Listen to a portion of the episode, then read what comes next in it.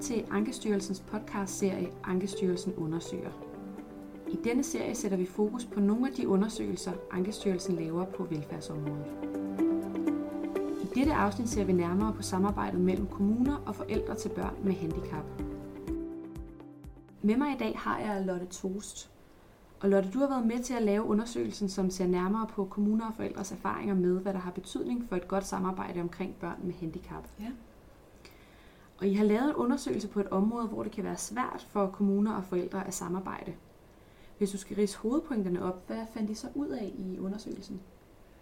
Flere forældre og kommuner fortalte til os, at det var vigtigt, at forældrene bliver mødt med anerkendelse og empati, at sagsbehandleren har et kendskab til området og barnet, som det handler om, at forældrene bliver orienteret og inddraget, og at der er en forventningsafstemning, og så at der er en tværfaglig koordinering i de mere omfattende sager.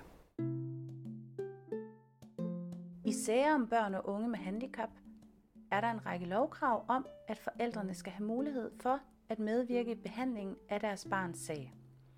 Det vil sige, at kommunen skal tilrettelægge sagen sådan, at forældrenes medvirken er mulig, og at de opgaver og tilbud, der omfatter barnet, den unge og deres familie, udføres i samarbejde med forældrene. Lovkrav om inddragelse er beskrevet i serviceloven, retssikkerhedsloven og forvaltningsloven.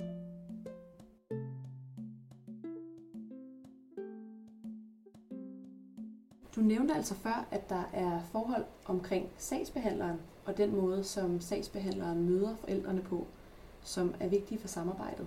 Hvad, hvad er det, der er vigtigt i den forbindelse? Det er, at forældrene føler sig set, hørt og anerkendt i deres situation.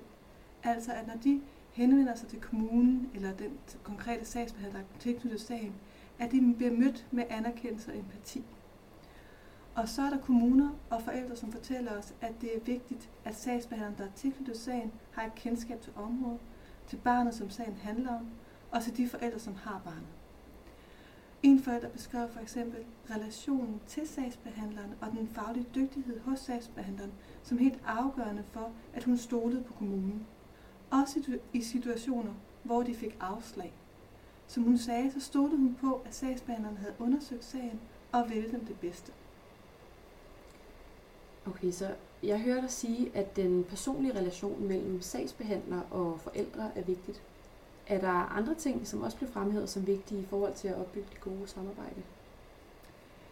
Ja, øh, kommuner og forældre fortæller også, at det er vigtigt, at forældrene bliver orienteret og inddraget løbende i sagsbehandlingen. Og at der er en forventningsafstemning mellem dem. Altså, at der er en tydelig information til forældrene om tilbud, sagsgange, afgørelser, ændringer i deres barns sag. Her kan familievejledning også være vigtigt, da den helt indledningsvis giver forældrene en viden om mulighederne for hjælp og støtte, hvilket understøtter øh, forventningsafstemningen. Familie med børn under 18 år med betydelig og vejet nedsat fysisk eller psykisk funktionsevne skal tilbydes familievejledning inden for de første tre måneder, efter at kommunalbestyrelsen har fået kendskab til, at funktionsnedsættelsen er konstateret. Vejledningen er en introduktion til families rettigheder og hjælpemuligheder på tværs af sektorerne. Lovkravet om familievejledning fremgår af servicelovens paragraf 11, styk 8. Så der er altså nogle ting øh, i forhold til kommunikation med forældrene, som, øh, som er vigtige. Er der også øh, forhold internt i kommunen, som spiller ind? Ja. Øh, i, I nogle situationer, hvor forældre får hjælp til et barn med handicap, så har de også brug for andre former for hjælp, eller mange former for hjælp til barnet. Øh, og i de situationer, så kan der være mange samarbejdspartnere i kommunen, mange forskellige møder, som måske nogle gange ligger samtidig. Og der er en tværfaglig koordinering rigtig vigtig for samarbejdet. Nogle gange i form af en person, som sørger for at koordinere det, og som er gennemgående i sagen. I undersøgelsen har jeg også beskrevet nogle konkrete tiltag, som øh, kommuner og forældre har øh, gode erfaringer med. Hvad, øh, hvad er eksempler på det? Jamen, blandt andet er der to kommuner, som beskriver gode erfaringer med metoder til afholdelse af tværfaglige møder. Metoder, som netop understøtter, at forældrene bliver inddraget, og egentlig også, at alle andre aktører i sagen bliver inddraget på en god måde.